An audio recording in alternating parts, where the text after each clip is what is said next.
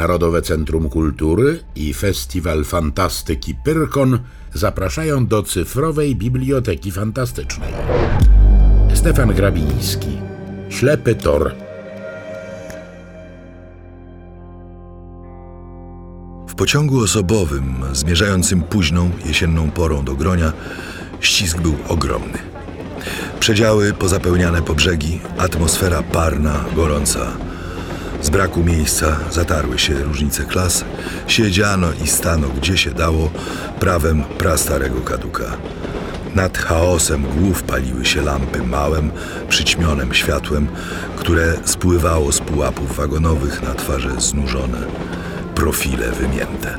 Dym tytoniu unosił się kwaśnym wyziewem, wyciągał pod długi, siwawy sznur w korytarzach, kłębił tumanami w czeluściach okien. Jednostajny łomot kół nastrajał nasennie. Przytwierdzał monotonnym stukaniem drzemocie. Rozpanoszyła się po wozach. Tak, tak, tak, tak, tak, tak. Tylko jeden z przedziałów klasy trzeciej, w piątym wozie od końca, nie poddawał się ogólnemu nastrojowi. Zespół gwarny tu był, rześki, ożywiony. Uwagę podróżnych opanował wyłącznie mały, garbaty człowieczek w mundurze kolejarza niższego typu, który opowiadał coś z przejęciem, podkreślając słowa gestykulacją barwną i plastyczną. Skupieni w koło słuchacze nie spuszczali zeń oczu. Niektórzy powstali z miejsc dalszych i zbliżyli się do ławki środkowej, by lepiej słyszeć. Paru ciekawych wychyliło głowy przez drzwi od sąsiedniego przedziału. Kolejarz mówił.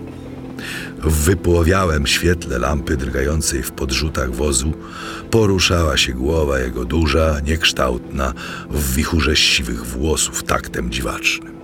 Szeroka twarz, załamana nieregularnie na linii nosa, to bladła, to nabiegła purpurą w rytm krwi burzliwy. Wyłączna, jedyna, zacięta twarz fanatyka. Oczy ślizgające się w roztargnieniu po obecnych gorzały żarem myśli upartej, od lat syconej. A jednak człowiek ten miewał momenty piękne. Chwilami zdało się, znikał garb i szpetota rysów, a oczy nabierały szafirowego blasku, pijane natchnieniem i postać karła tchnęła szlachetnym, porywającym za sobą zapałem. Za chwilę przeobrażenie gasło, rozwadniało się i w gronie słuchaczy siedział tylko zajmujący, lecz potwornie brzydki narrator w kolejowej bluzie. Profesor Ryszpans, chudy, wysoki pan w jasno popielatym kostiumie, z monoklem w oku, przychodząc dyskretnie przez zasłuchany przedział, nagle zatrzymał się i spojrzał uważnie na mówiącego. Coś go zastanowiło. Jakiś zwrot wyrzucony z ust garbusa przykuł go na miejscu. Oparł się łokciem o żelazną sztabę przegródki, zacisnął monokl i słuchał. Tak, moi państwo. Mówił kolejarz. W ostatnich czasach istotnie zagęszczają się zagadkowe zdarzenia w życiu kolejowym. Wszystko to zdaje się mieć swój cel. Zmierza ku czemuś oczywiście z nieubłaganą konsekwencją. Zamilkł na chwilę, zdmuchnął popiół z fajeczki i zagadnął. A o wagonie śmiechu nie słyszał nikt z szanownych gości? Istotnie. Wmieszał się profesor. Czytałem przed rokiem coś o tym w gazetach, lecz pobieżnie i nie przypisując rzeczy żadnej uwagi. Historia zakrawała na dziennikarską plotkę. Gdzie tam, łaskawy panie? Zaprzeczył namiętnie kolejarz, zwracając się w stronę nowego słuchacza. Ładna mi plotka. Prawda oczywista. Fakt stwierdzony zeznaniami naocznych świadków.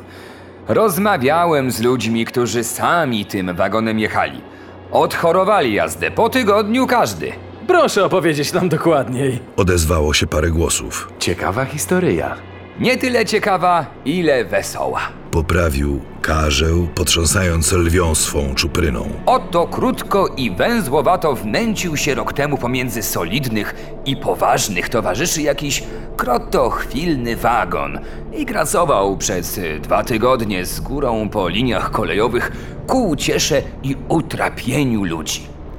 Krotochwilność, bowiem była podejrzanej natury i czasami wyglądała na złośliwość.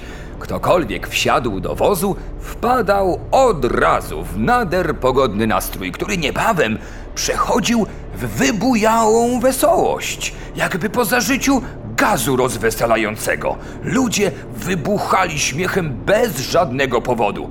Trzymali się za brzuchy, gieli do ziemi w potokach łez. W końcu śmiech przybierał groźny charakter paroksyzmu. Pasażerowie ze łzami demonicznej radości wili się w konwulsyjach bez wyjścia. Jak opętani, rzucali się po ścianach i rechocząc jak stado bydląt, toczyli z ust pianę. Co parę stacji trzeba było wynosić z wozu po kilku tych nieszczęśliwych szczęśliwców, gdyż zachodziła obawa, że w przeciwnym razie po prostu pękną od śmiechu. Jakże reagowały na to organa kolejowe? Zapytał, korzystając z przerwy krępy o energicznym profilu inżynier Zniesławski. Zrazu sądzili ci panowie, że wchodzi w grę jakaś zaraza psychiczna, która z jednego gościa przenosiła się na innych. Lecz gdy podobne wypadki zaczęły się powtarzać codziennie i zawsze w tym samym wozie, wpadł jeden z lekarzy kolejowych na genialny koncept. Przypuszczając, że w wagonie tkwi gdzieś lasecznik śmiechu, który ochrzcił na prędce imieniem Bacillus ridiculentus lub też Bacillut gelasticus primitivus, poddał zapowietrzony wóz bezzwłocznej dezynfekcji. Huknął nad uchem niezrównanego koziera zawodowo interesowany sąsiad, jakiś lekarz z W. Ciekaw jestem, jakiego też użył środka odkażającego. Lysolu czy karbolu. Pomylił się, szanowny pan, żadnego z wymienionych. Oblano nieszczęsny wagon od dachu po szyny specjalnym przetworem wynalezionym ad hoc przez wspomnianego doktora. Była to tak nazwana przez wynalazcę lacrima tristis, czyli łza smutnego. Krztusiła się w kącie jakaś dama. Co za złoty z pana człowiek? Łezka smutnego. Tak, łaskawa pani. Ciągnął niewzruszony. Bo wkrótce po puszczeniu w ponowny obieg ozdrowieńca kilku podróżnych odebrało sobie w nim życie wystrzałem z rewolweru. Takie eksperymenta mszczą się, łaskawa pani. Dokończył, kiwając smutno głową. Radykalizm w takich razach niezdrowy. Na chwilę zapadło milczenie. W parę miesięcy potem Podjął gawędę funkcjonariusz. rozeszły się po kraju alarmujące pogłoski o pojawieniu się tak zwanego wozu transformacyjnego. Currus transformans, jak go przezwał jakiś filolog. Podobno jedna z ofiar nowej plagi. Pewnego dnia zauważono dziwne zmiany w powierzchowności kilkunastu pasażerów, którzy odbywali podróż w tym samym fatalnym wozie. Oto rodzina i znajomi oczekujący na dworcu nie mogli w żaden sposób przyznać się do witających ich serdecznie osobników, którzy wysiedli z pociągu. Pani sędzina K, młoda i powabna brunetka, ze zgrozą odepchnęła od siebie ospałego jegomościa z potężną łysiną, który utrzymywał uparcie, że jest jej mężem. Panna W, śliczna, osiemnastoletnia blondynka, dostała spazmów w objęciach siwiutkiego jak gołąb i podagrycznego staruszka, który zgłosił się do niej z bukietem azalii jako narzeczony. Natomiast podeszła już w leciach pani radczyni Z z miłym zdumieniem znalazła się u boku eleganckiego młodzieńca, odświeżonego cudownie o lat z górą 40 radcy apelacyjnego i małżonka. W mieście na wiadomość o tem zrobił się kolosalny huczek. O niczym innym nie mówiono, jak tylko o zagadkowych metamorfozach. Po miesiącu nowa sensacja. Zaczarowani panowie i panie powoli odzyskiwali pierwotny swój wygląd, wracając do uświęconej losem powierzchowności. Czy i tym razem odkażono wagon? Zapytała z zajęciem jakaś dama. Nie, łaskawa pani. Zaniechano tych środków ostrożności. Owszem, dyrekcja otoczyła wóz szczególną pieczołowitością, gdyż okazało się, że kolej będzie mogła ciągnąć zeń kolosalne zyski.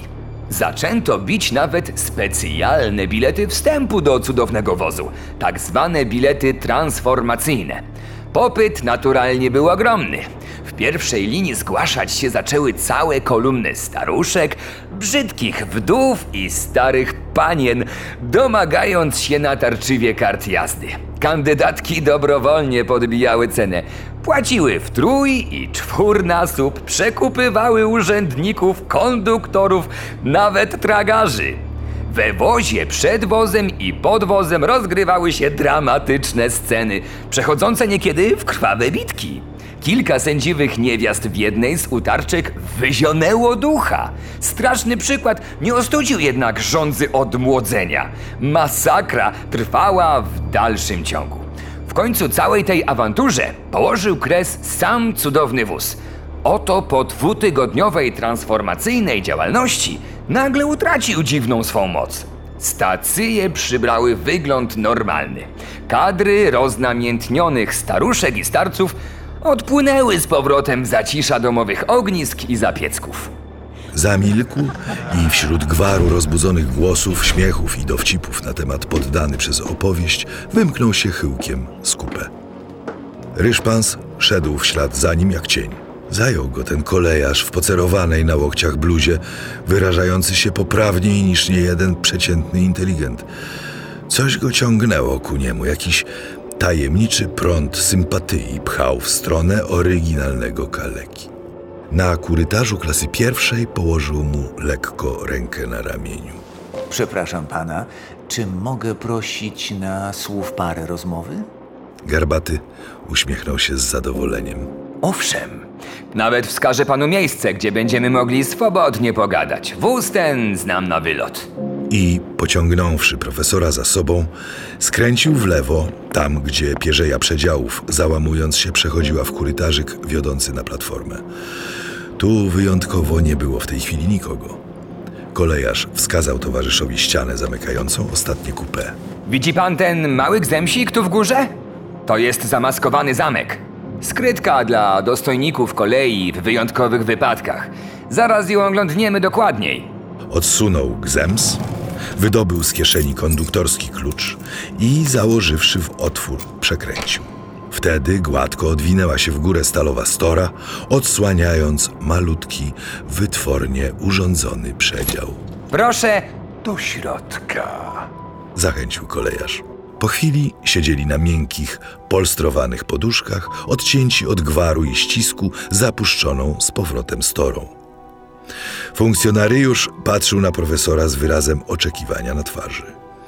Ryszpans nie śpieszył z pytaniem, zmarszczył czoło, zasadził mocniej monokl i pogrążył się w zadumę. Po chwili zaczął, nie patrząc na towarzysza. Uderzył mię kontrast między humorystyką opowiedzianych przez pana zdarzeń a poważnym naświetleniem, które ją poprzedziło.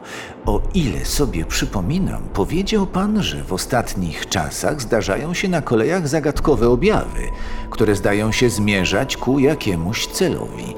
Jeśli dobrze zrozumiałem, ton słów mówił pan na serio. Miało się wrażenie, że owe ukryte cele uznaje pan za ważkie, może nawet przełomowe. Twarz garbusa rozjaśnił tajemniczy uśmiech. I nie pomylił się pan. Kontrast zniknie. Jeżeli owe wesołe objawy pojmiemy jako szyderskie wyzwanie.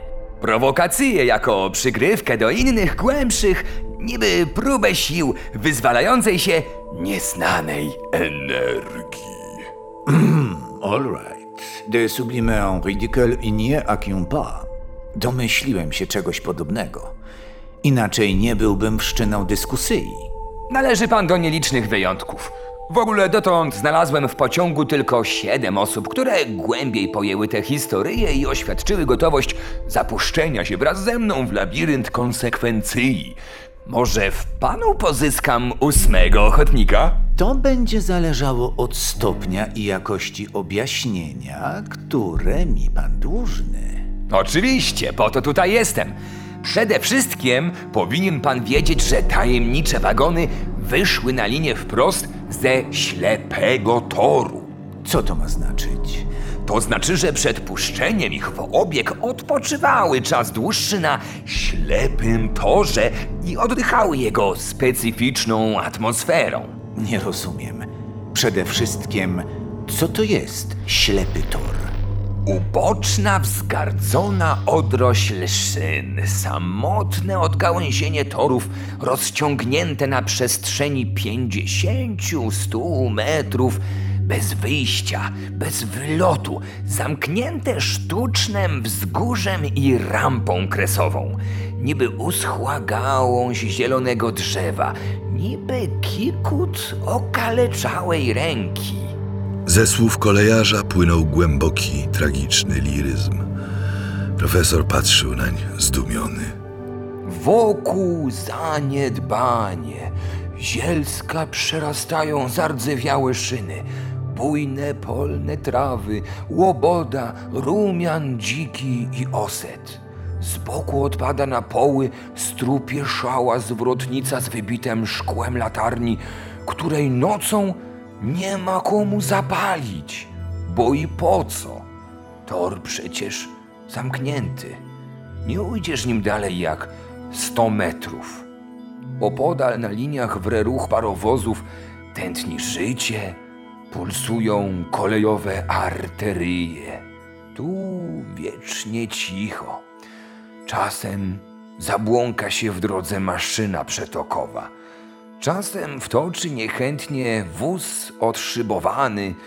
Niekiedy wiedzie na dłuższy spoczynek zniszczony jazdą wagon. Zatoczy się ciężko, leniwo i stanie niemy na całe miesiące lub lata.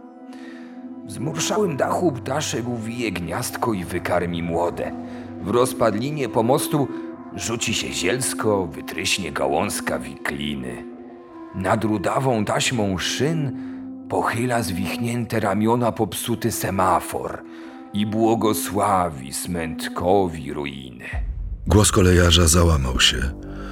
Profesor odczuł jego wzruszenie. Liryzm opisu zdumiał go i przejął zarazem. Lecz skąd ta nuta żywności? Odczułem Podjął po czasie. poezję ślepego toru, lecz nie umiem wytłumaczyć sobie, jak atmosfera jego może wywołać wspomniane objawy. Z poezji owej Objaśniał garbaty. wieje głęboki motyw tęsknoty. Tęsknoty ku nieskończonym dalom, do których dostęp zamknięty kopcem granicznym, zagwożdżony drewnem rampy. Tuż obok pędzą pociągi, pomykają w szeroki, piękny świat maszyny. Tu tępa granica trawiastego wzgórza. Tęsknota upośledzenia. Czy rozumie pan?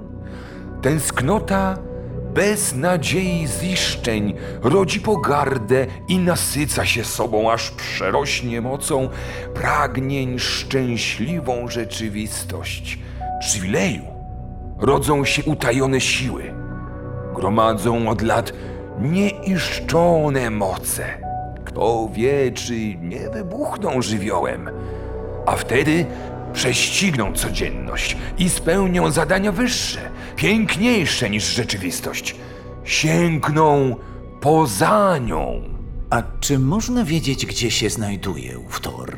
Przypuszczam, miał pan na myśli pewien ściśle określony. Uśmiechnął się. To zależy. Zapewne jakiś jeden był punkt wyjścia. Lecz ślepych torów pełno jest wszędzie przy każdej stacji. Może być ten, może być ów. Tak, tak. Ale mnie chodzi o ten, z którego wyjechały na linię owe wagony. Garbus pokręcił niecierpliwie głową. Nie rozumiemy się. Kto wie, może tajemniczy tor da się odkryć wszędzie. Tylko trzeba go umieć odszukać, wytropić. Trzeba umieć wpaść nań, zajechać, wdrożyć się jego kolejne. Dotąd udało się to jednemu. Przerwał, wpatrując się w profesora głębią fiołkowo opalizujących oczu. Komu? Zapytał tamten machinalnie. Dróżnikowi Wiórowi. Wawrzyniec Wiór. Garbaty, upośledzony przez naturę okrutnie dróżnik, jest dziś królem ślepych torów. Ich smutną, tęskniącą do wyzwolin duszą. Zrozumiałem. Szepnął Ryszpans. Dróżnik Wiór, Kończył namiętnie kolejarz. niegdyś e, uczony, myśliciel, filozof. Rzucony igraszką losu pomiędzy szyny wzgardzonego toru. Dobrowolny strażnik zapomnianych linii. Fanatyk wśród ludzi. Powstali, zmierzając ku wyjściu. Ryszpans podał mu rękę. Zgoda. Rzekł mocno. Drzwi odsunęły się i wyszli na korytarz. Do rychłego widzenia! Pożegnał Garbus. Idę na dalszy połów dusz. Pozostały mi jeszcze trzy wozy. i zniknął w drzwiach platformy przejściowej. Profesor zbliżył się w zadumie do okna, zaciął cygaro i zapalił. Zewnątrz panowała ciemność. Tylko światła lamp wyzierające w przestrzeń czworokątami okien przesuwały się szybko po zboczach nasypu w przelotnym wywiadzie. Pociąg przebiegał jakieś puste łąki i pastwiska. Jakiś mężczyzna zbliżył się do profesora, prosząc o ogień. Ryszpans zdmuchnął popiół z cygara i grzecznie podał je nieznajomemu. Dziękuję. Inżynier Zniesławski. Przedstawił się. Zawiązała się rozmowa. Czy nie zauważył pan, jak się nagle wyludniło? Zapytał inżynier, rzucając w koło okiem. Korytarz całkiem wolny. Zaglądałem do dwóch przedziałów, by z przyjemnością stwierdzić, że jest w nich sporo miejsca. Ciekaw jestem, Podchwycił Ryszpans jaki też stan rzeczy po innych klasach. Możemy oglądać. I przeszli parę wozów ku końcowi pociągu. Jakoż wszędzie zauważyli znaczny ubytek podróżnych. To dziwne. Rzekł profesor. Przed pół godziną jeszcze tłok był okropny. W przeciągu zaś tego krótkiego czasu pociąg zatrzymał się tylko raz. Rzeczywiście. Potwierdził Zniesławski. Widocznie wtedy wysiadło tyle osób. Jak na jedną stację i to drugorzędną odpływ zagadkowy. Usiedli na jednej z ławek klasy drugiej. Pod oknem rozmawiało półgłosem dwóch mężczyzn. Pochwycili urywek rozmowy. Wie pan, Mówił jeden z pasażerów o biurokratycznym wyglądzie. coś mnie kusi do opuszczenia tego pociągu. Szczególne. Odpowiedział drugi. Mnie również. Głupie uczucie. Powinienem być dzisiaj koniecznie w Zaszumiu i specjalnie jadę w tym kierunku. Mimo to wysiądę już na najbliższej stacji i zaczekam na pociąg poranny. Co za mitręga i strata czasu. Pójdę za pańskim przykładem, chociaż i mnie to nadernie na rękę. Spóźnię się do biura o parę godzin. Lecz nie mogę inaczej. Ja tym pociągiem dalej nie pojadę. Przepraszam, Wmieszał się inżynier. co właściwie zmusza panów do tak niewygodnego dla nich opuszczenia pociągu? Nie wiem. Odpowiedział urzędnik. Jakieś nieokreślone uczucie. Niby wewnętrzny nakaz. Objaśniał towarzysz. A może duszna, niewytłumaczona trwoga? Poddał Ryszpans, przymrużając trochę złośliwie oko. Może. Odparł spokojnie pasażer. Lecz nie wstydzę się tego. Uczucie, którego doznaję w tej chwili, jest tak specjalne, tak sui generis, że nie pokrywa się właściwie z tym, co zwykliśmy nazywać strachem. Zniesławski spojrzał porozumiewawczo na profesora. Może przejdziemy dalej? Po chwili znaleźli się w przerzedzonym mocno przedziale klasy trzeciej. W dymie cygar siedziało tu trzech mężczyzn i dwie kobiety. Jedna z nich, chorza mieszczanka, mówiła do towarzyszki. Dziwna ta pani Zietulska.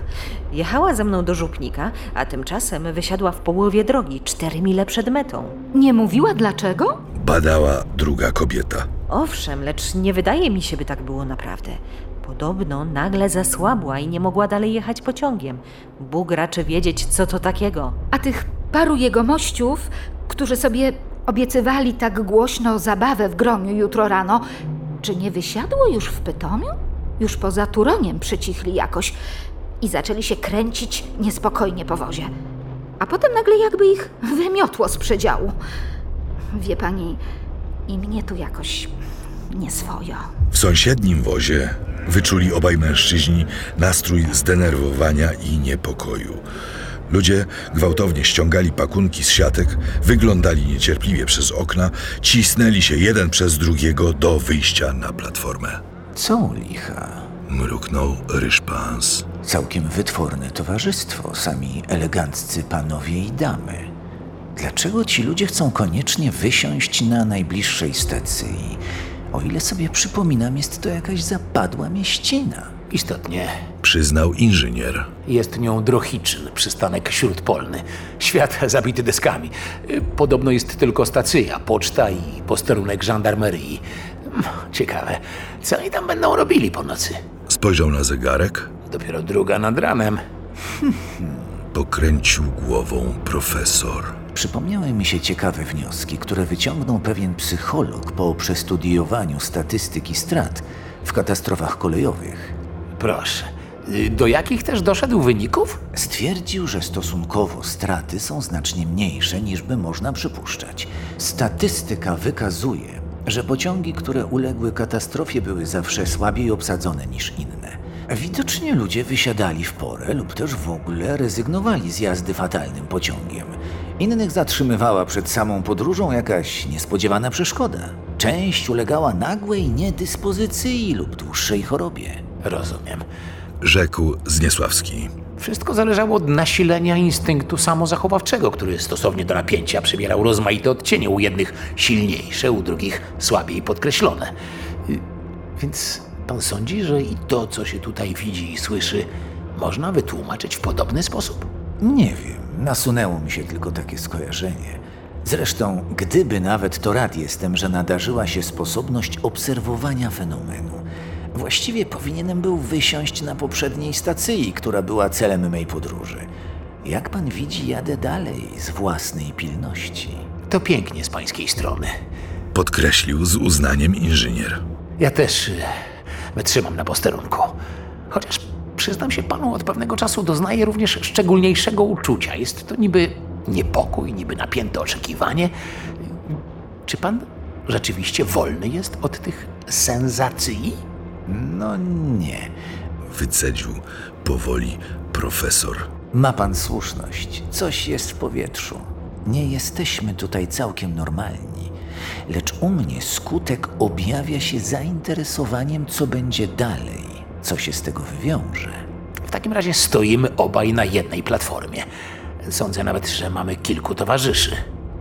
Wpływ wióra, jak widzę, zatoczył pewne kręgi. Twarz profesora drgnęła. Więc i pan zna tego człowieka? Naturalnie wyczułem w panu jego stronnika. Niech żyje bractwo ślepego toru! Okrzyk inżyniera przerwał zgrzyt hamowanych kół wozu. Pociąg zatrzymał się przed stacją. Przez otwarte drzwi wagonów wysypały się tłumy podróżnych. W bladem świetle lamp stacyjnych widać było twarze urzędnika ruchu i jedynego na cały przystanek zwrotniczego, którzy ze zdumieniem obserwowali niezwykły w Drochoczynie napływ gości. Panie naczelniku, Pytał pokornie jakiś elegancki pan w cylindrze. będzie tu gdzie przenocować? Chyba na bloku na podłodze. Proszę wielmożnego pana. Wyręczył w odpowiedzi zwrotniczy. Będzie trudno z noclegiem, łaskawa pani. Tłumaczył jakiejś damie w gronostajach naczelnik. Do najbliższej wsi dwie godziny drogi. Jezus Maryja, tośmy wpadli. Biadał w tłumie cienki, niewieści głosik.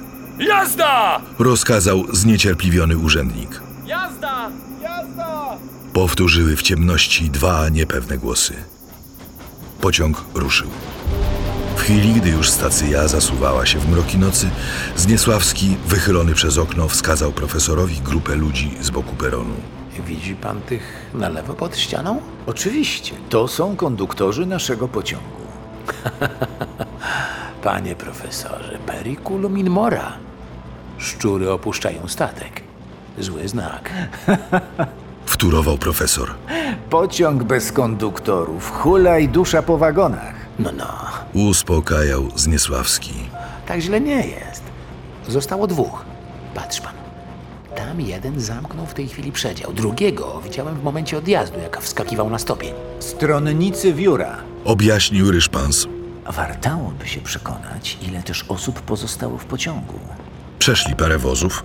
W jednym zastali zakonnika o ascetycznym wyrazie twarzy, zatopionego w modlitwie, w innym dwóch mężczyzn starannie ogolonych, wyglądających na aktorów.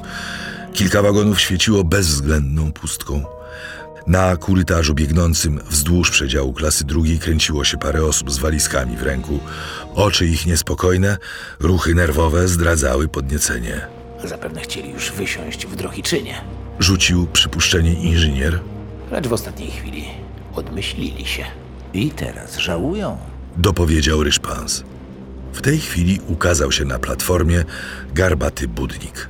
Na twarzy jego grał groźny, demoniczny uśmiech. Za nim, wyciągniętym szeregiem, postępowało kilku podróżnych. Przechodząc obok profesora i jego towarzysza, wiór powitał ich jak dobry znajomy. Rewia skończona. Proszę panów za mną. U wylotu korytarza rozległ się krzyk kobiety. Mężczyźni spojrzeli w tę stronę i spostrzegli znikającą w otworze odchylonych drzwi postać jakiegoś pasażera. Wypadł czy wyskoczył? Wyskoczył? Odezwało się parę głosów. Jakby w odpowiedzi zanurzył się w czeluść przestrzeni drugi pasażer.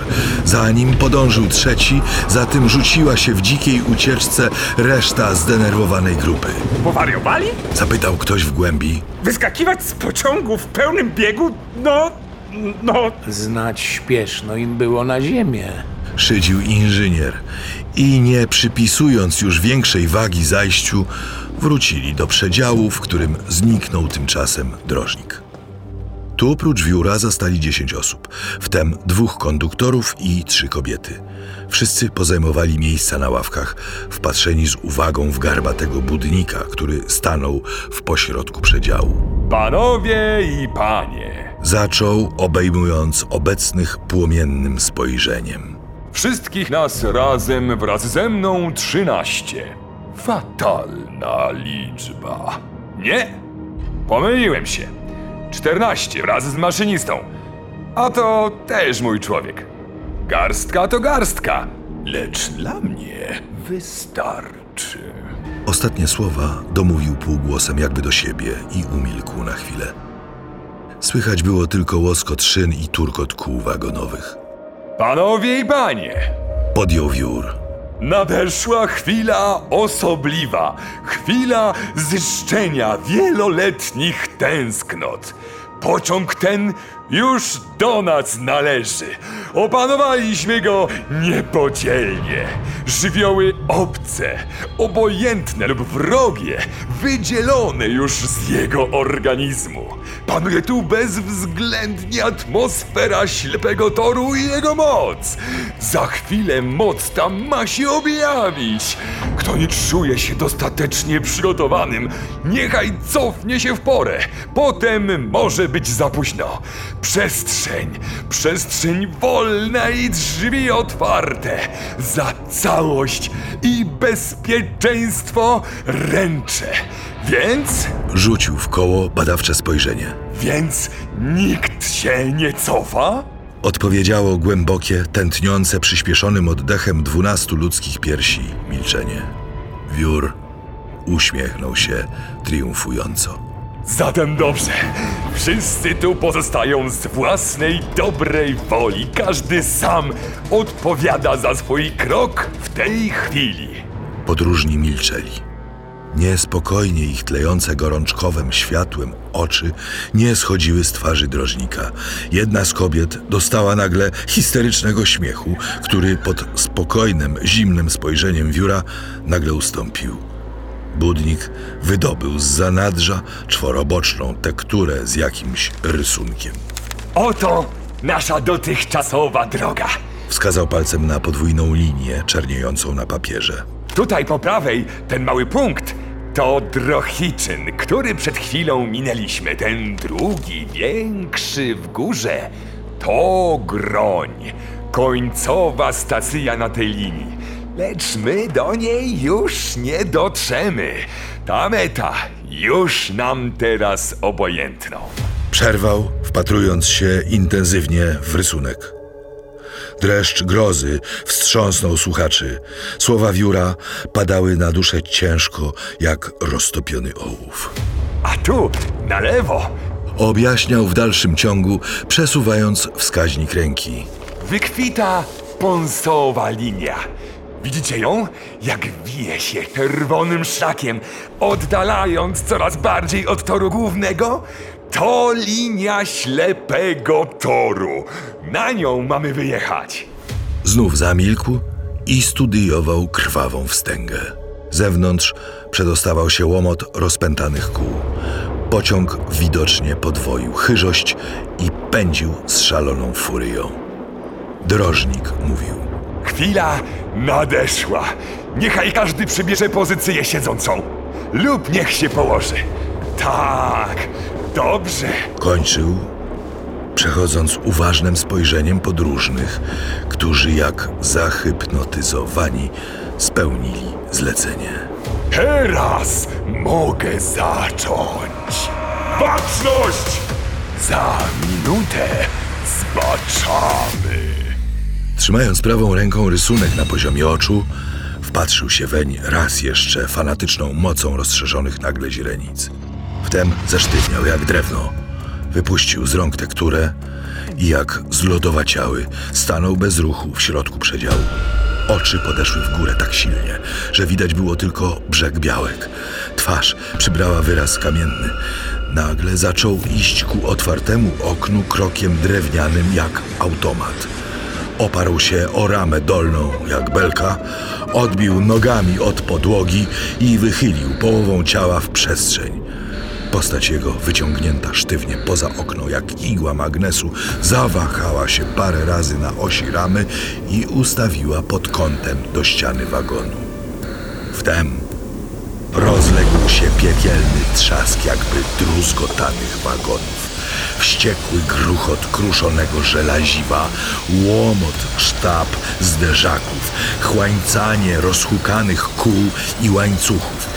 Wśród zgiełku rozszczepionych zda się na drzazgi ławek, walących się drzwi, wśród rumoru zapadających się pował, podłóg, ścian, wśród szczęku pękających rur, przewodów, zbiorników, zajęczał rozpaczliwie gwizd lokomotywy.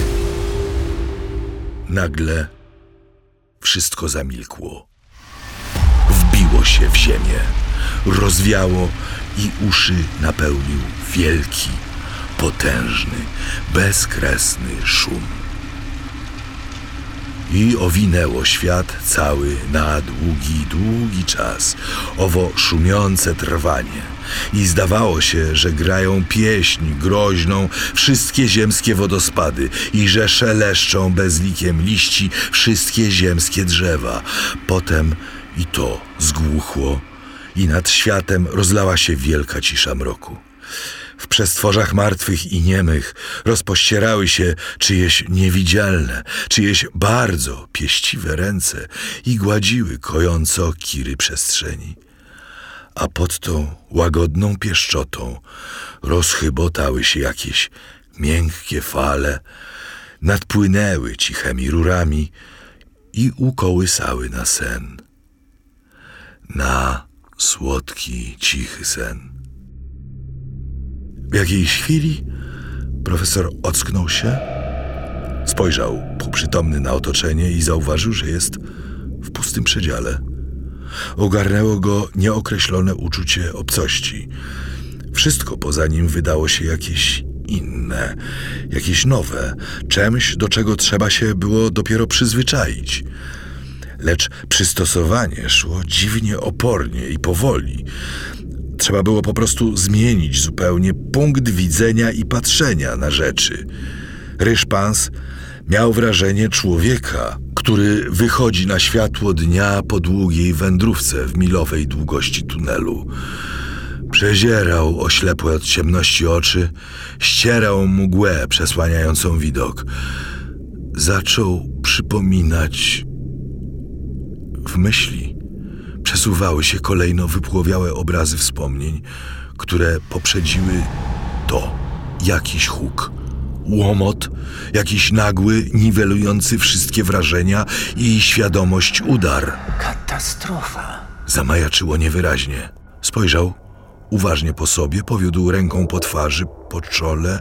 Nic, ani kropli krwi, żadnego bólu. Cogito ergo sum. Zawyrokował wreszcie. Przyszła ochota przejścia się po przedziale. Opuścił miejsce, podniósł nogę i zawisnął parę cali nad podłogą. Tam do licha. Mruknął zdumiony. Straciłem ciężar właściwy, czy co? Czuję się lekki jak pióro. i powędrował w górę aż pod strop wozu. Ale co też się stało z tamtymi? Przypomniał sobie, schodząc ku drzwiom do sąsiedniego przedziału. U wejścia spostrzegł w tej chwili inżyniera, który uniesiony również parę centymetrów nad podłogą, ściskał mu serdecznie rękę. Witam kochanego pana. I pan widzę niezupełnie w porządku z prawami ciężkości? Ach, cóż robić? Westchnął z rezygnacją Ryszpans. Pan nie raniony? Broń Boże. Zapewnił Zniesławski. Jestem cały i zdrów jak ryba. Przed chwilą dopiero przebudziłem się. Szczególne przebudzenie. Ciekaw też jestem, gdzie się właściwie znajdujemy. Ja również. Pędzimy, zdaje się, z zawrotną chyżością. Wyjrzeli przez okno. Nic. Pustka. Tylko silny, chłodny prąd wiejący zewnątrz nasuwał przypuszczenie, że pociąg leci jak furyja. To dziwne. Zauważył Ryszpans. Absolutnie nic nie widzę. Pustka w górze, w dole, pustka przede mną. A to senzacje. Jest niby dzień, bo jasno, lecz słońca nie widać, a mgły nie ma. Płyniemy jakby w przestworzu. Która też może być godzina? Spojrzeli równocześnie na zegarki. Po chwili inżynier podniósł oczy na towarzysza i spotkał się z jego spojrzeniem, mówiącem to samo. Nic odczytać nie mogę. Godziny zlały się w czarną, falistą linię, po której wskazówki przesuwają się błędnym, nic nie mówiącym ruchem. Fale trwania przelewające się jedna w drugą bez początku i końca. Zmierzch czasu. Patrz pan. Zawołał nagle Zniesławski, wskazując ręką na przeciwległą ścianę wozu. Widzę przez tę ścianę jednego z naszych, owego zakonnika, ascetę. Pamiętasz? Tak, to brat Józef Karmelita. Rozmawiałem z nim. Lecz i on nas już spostrzegł. Uśmiecha się i daje nam znaki. Co za paradoksalne objawy. Patrzymy przez tę deskę jak przez szkło. Nieprzejrzystość ciał licho wzięło z kretesem. Wywnioskował inżynier. Zdaje się, że i z nieprzenikliwością nie lepiej. Odpowiedział Ryszpans, przesiąkając przez ścianę do drugiego przedziału. A rzeczywiście. Przyznał Zniesławski, idąc za jego przykładem. Tak przesiąknęli przez kilka parapetów wagonowych i w trzecim z rzędu wozie powitali brata Józefa. Karmelita skończył przed chwilą modlitwę poranną i pokrzepiony na duchu cieszył się serdecznie ze spotkania. Wielkie sprawy Boże. Mówił, wynosząc w górę głębokie, mgłą zadumy powleczone oczy. Przeżywamy dziwne chwile. Otośmy wszyscy cudownie przebudzeni. Chwała przedwiecznemu. Chodźmy połączyć się z resztą, bracie.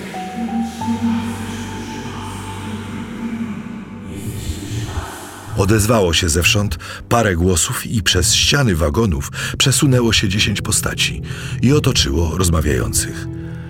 Byli to ludzie najrozmaitszych stanów i zawodów, wtem maszynista pociągu i trzy kobiety. Wszystkich oczy mimo woli szukały kogoś. Wszyscy instynktownie wyczuwali brak jednego towarzysza. Jest nas trzynaście. Przemówił szczupły o ostrych rysach młodzieniec. Nie widzę mistrza wióra. Mistrz wiór nie przyjdzie. Rzekł, jak sen, brat Józef. Drożnika wióra tutaj nie szukajcie. Spójrzcie głębiej, bracia moi. Zajrzyjcie w dusze wasze. Może go znajdziecie. Umilkli i zrozumieli. Na twarzach rozlał się wielki spokój i zajaśnieli dziwnym światłem. I czytali sobie w duszach i przenikali się nawzajem w cudownym jasnowictwie. Bracia, podjął zakonnik. Kształty nasze dane nam są jeszcze tylko na czas krótki. Za chwil parę może je przyjdzie porzucić. Wtedy rozstaniemy się. Każdy odejdzie w swoją stronę, gdzie go poniosą jego losy, wykute w księdze przeznaczeń od wieków. Każdy podąży własnym szlakiem we własną dziedzinę, którą zgotował sobie po tamtej stronie. Oto oczekują was z tęsknotą rzesze bratnich dusz. Zanim nadejdzie moment pożegnania, posłuchajcie raz jeszcze głosu z tamtej strony. Słowa, które wam odczytam, spisano dni temu dziesięć, licząc czas ziemskim trybem. Domawiając tych słów, rozwinął szeleszczące cicho arkusze jakiegoś pisma i zaczął czytać głębokim, przejmującym głosem. 15 listopada roku 1950. Tajemnicza katastrofa. Na linii kolejowej Zaleśna Groń zaszedł wczoraj w nocy z 14 na 15 listopada bieżącego roku tajemniczy wypadek, którego dotąd w zupełności nie zdołano wyjaśnić. Chodzi o losy, którym uległ między godziną drugą a trzecią po północy pociąg osobowy numer 20. Właściwą katastrofę poprzedziły dziwne objawy. Oto publiczność, jakby przeczuwając grożące niebezpieczeństwo, wysiadała tłumnie na stacjach i przystankach przed miejscem fatalnego wypadku, choć cel jazdy leżał znacznie dalej. Zapytywane przez władze stacyjne osoby o powód przerywania podróży tłumaczyły się niejasno, jakby nie chcąc zdradzać motywów dziwnego postępowania. Charakterystycznym jest fakt, że w Drohiczynie opuściło pociąg nawet kilku pełniących wtedy służbę konduktorów, którzy woleli narazić się na surową karę władz i utratę posady, niż jechać dalej. Tylko trzech ludzi z całego personelu pociągowego wytrwało na stanowisku. Z Drohiczyna odjechał pociąg niemal pusty. Kilku niezdecydowanych podróżnych, którzy w ostatniej chwili cofnęli się do wnętrza wagonów, wyskoczyło w kwadrans potem podczas ruchu w czystym polu. Ludzie ci, cudem jakimś wyszedłszy cało z rzekomej imprezy, wrócili rano około czwartej piechotą do Drohiczyna. Byli to świadkowie ostatnich chwil fatalnego pociągu tuż przed katastrofą, która musiała zajść w parę minut potem. Koło piątej nad ranem nadszedł z budki drożnika Zoły, położonej 5 kilometrów za Drohiczynem, pierwszy sygnał alarmowy. Kierownik stacji wsiadł na dresynę i w pół godziny stanął na miejscu wypadku, gdzie spotkał już komisyję śledczą z Rakwy. Dziwny obraz przedstawił się oczom obecnych. W czystym polu, kilkaset metrów za budką drożnika, stał na szynach rozerwany pociąg. Dwa wagony tylne zupełnie nieuszkodzone, potem przerwa odpowiadająca długości trzech wozów. Znów dwa wozy sprzężone łańcuchami w stanie normalnym. Luka jednowagonowa, wreszcie na przedzie jaszczyk. Lokomotywy brakło. Na torze, na platformach, na schodkach żadnych śladów krwi. Nigdzie rannych ani zabitych. Wnętrza wagonów również puste i głuche. Nie znaleziono ani w jednym przedziale zwłok. Nie stwierdzono najlżejszego uszkodzenia w pozostałych wagonach. Szczegóły naocznie spisano i odesłano do dyrekcji. Sprawa przedstawia się tajemniczo i organa kolejowe nie spodziewają się rychłego jej wyświetlenia. Karmelita zamilkł na chwilę, odłożył pismo i zaczął z kolei odczytywać drugie. 25 listopada 1950 roku. Zdumiewające rewelacje i szczegóły do katastrofy kolejowej z dnia 15 bieżącego miesiąca. Tajemniczych wypadków, które rozegrały się na linii kolejowej za Drohiczynem 15 bieżącego miesiąca nie zdołano wyjaśnić do chwili obecnej. Owszem, coraz głębsze cienie padają na zdarzenia i mącą orientację. Dzień dzisiejszy przyniósł szereg zdumiewających wiadomości, które pozostając w związku z katastrofą, zaciemniają jeszcze bardziej sprawę i budzą poważne, daleko sięgające refleksje. Oto co nam podają telegramy z autentycznych źródeł. Dziś, 25 bieżącego miesiąca nad ranem, na miejscu katastrofy zaszłej przed dziesięcioma dniami, wyłoniły się wagony pociągu osobowego numer 20, których brak stwierdzono w dniu wypadku. Znamiennym jest szczegół, że wozy ukazały się na przestrzeni nie jako jednolity pociąg, lecz porozrywane w grupach po jeden, dwa lub trzy, odpowiadających lukom zauważonym naocznie 15 bieżącego miesiąca. Przed pierwszym wozem w odstępie Jaszczyka pojawiła się w pełnym składzie maszyna. Przerażeni nagłym pojawieniem kolejarze, zrazu nie śmieli zbliżyć się do wagonów, uważając je za widma lub twór z widzenia. W końcu jednak, gdy wozy nie znikały, nabrali odwagi i weszli do wnętrz. Tutaj przedstawił się ich oczom okropny obraz. W jednym z przedziałów zastali zwłoki trzynastu osób, porozciągane na ławkach lub w pozycjach siedzących.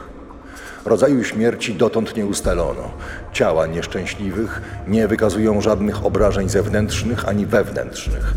Nie ma też najmniejszej poszlaki uduszenia lub zatrucia. Śmierć ofiar pozostanie prawdopodobnie zagadką nie do rozwiązania. Z pomiędzy 13 osób, które uległy tajemniczemu zgonowi, dotąd zdołano stwierdzić tożsamość sześciu.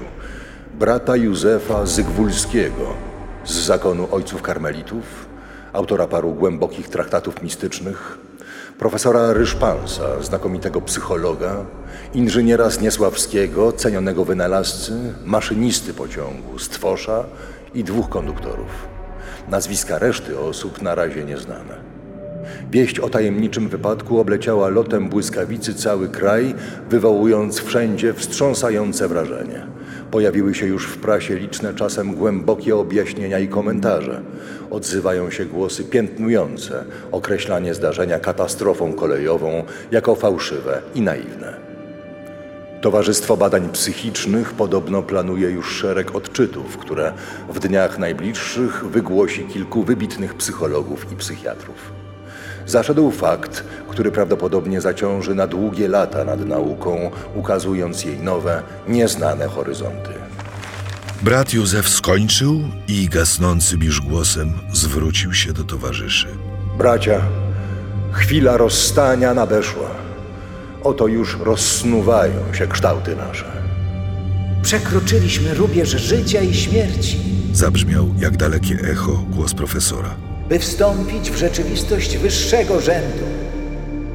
Ściany wagonów, mgliste jak opar, zaczęły rozsuwać się, rozpuszczać, marnieć. Odrzynały się wiotkie szale dachów, odchylały bezpowrotnie w przestrzeń eteryczne zwoje pomostów, lotne spirale rur, przewodów, zderzaków. Postacie podróżnych, wiotkie i przejrzyste na wylot, wątlały, rozpadały się, rwały na strzępy. Żegnajcie, bracia. Głosy marły, gasły, rozwiewały się, aż zgłuchły gdzieś w zaświatach międzyplanetarnych dali.